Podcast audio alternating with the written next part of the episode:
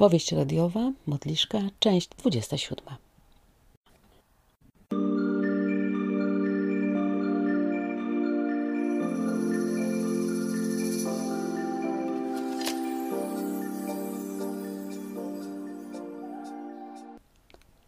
Stek był wyśmienity, a towarzystwo Maurycego wpływało na Weronikę kojąco.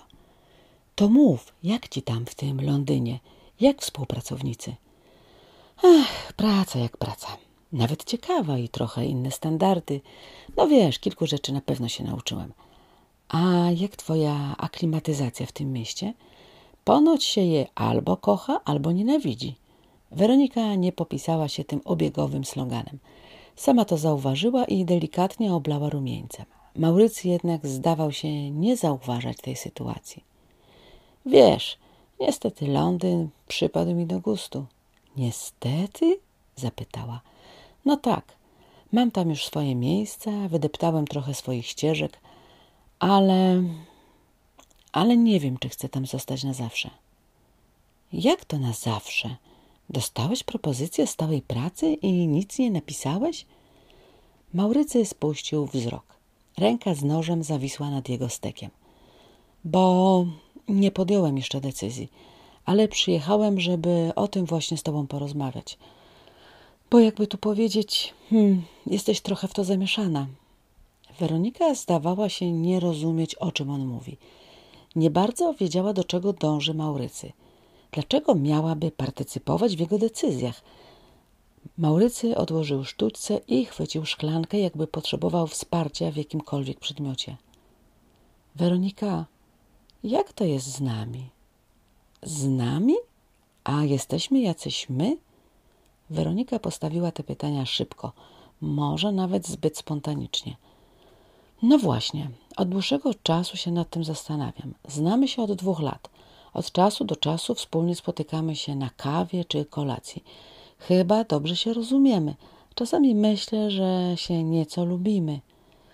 To wszystko prawda, weszła mu w słowo. Widać było, że Maurycy został wybity z rytmu mówienia, jakby ktoś przerwał mu recytację. Poprawił się więc na krześle, upił łyk piwa, spojrzał na Weronikę. W jego oczach czaił się niepokój, niepewność i pytanie. Widzisz, zaczął, kiedy znalazłem się w Londynie, miałem czas na zrobienie bilansu życia.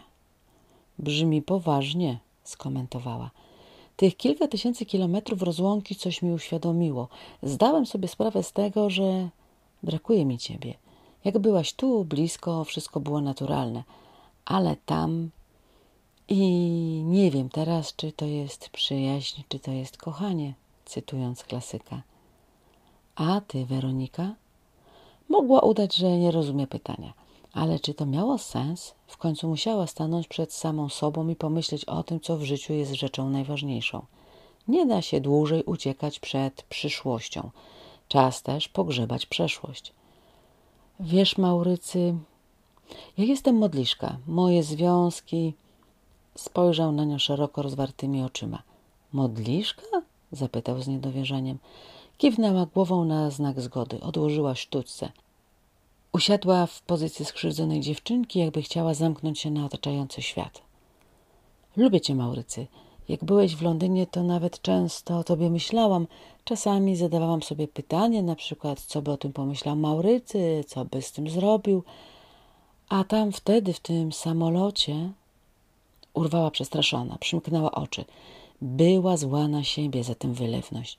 Nigdy taka nie była, nawet w ostatnim związku z tym nieszczęsnym trenerem fitness była powściągliwa i nie opowiadała o swoich marzeniach.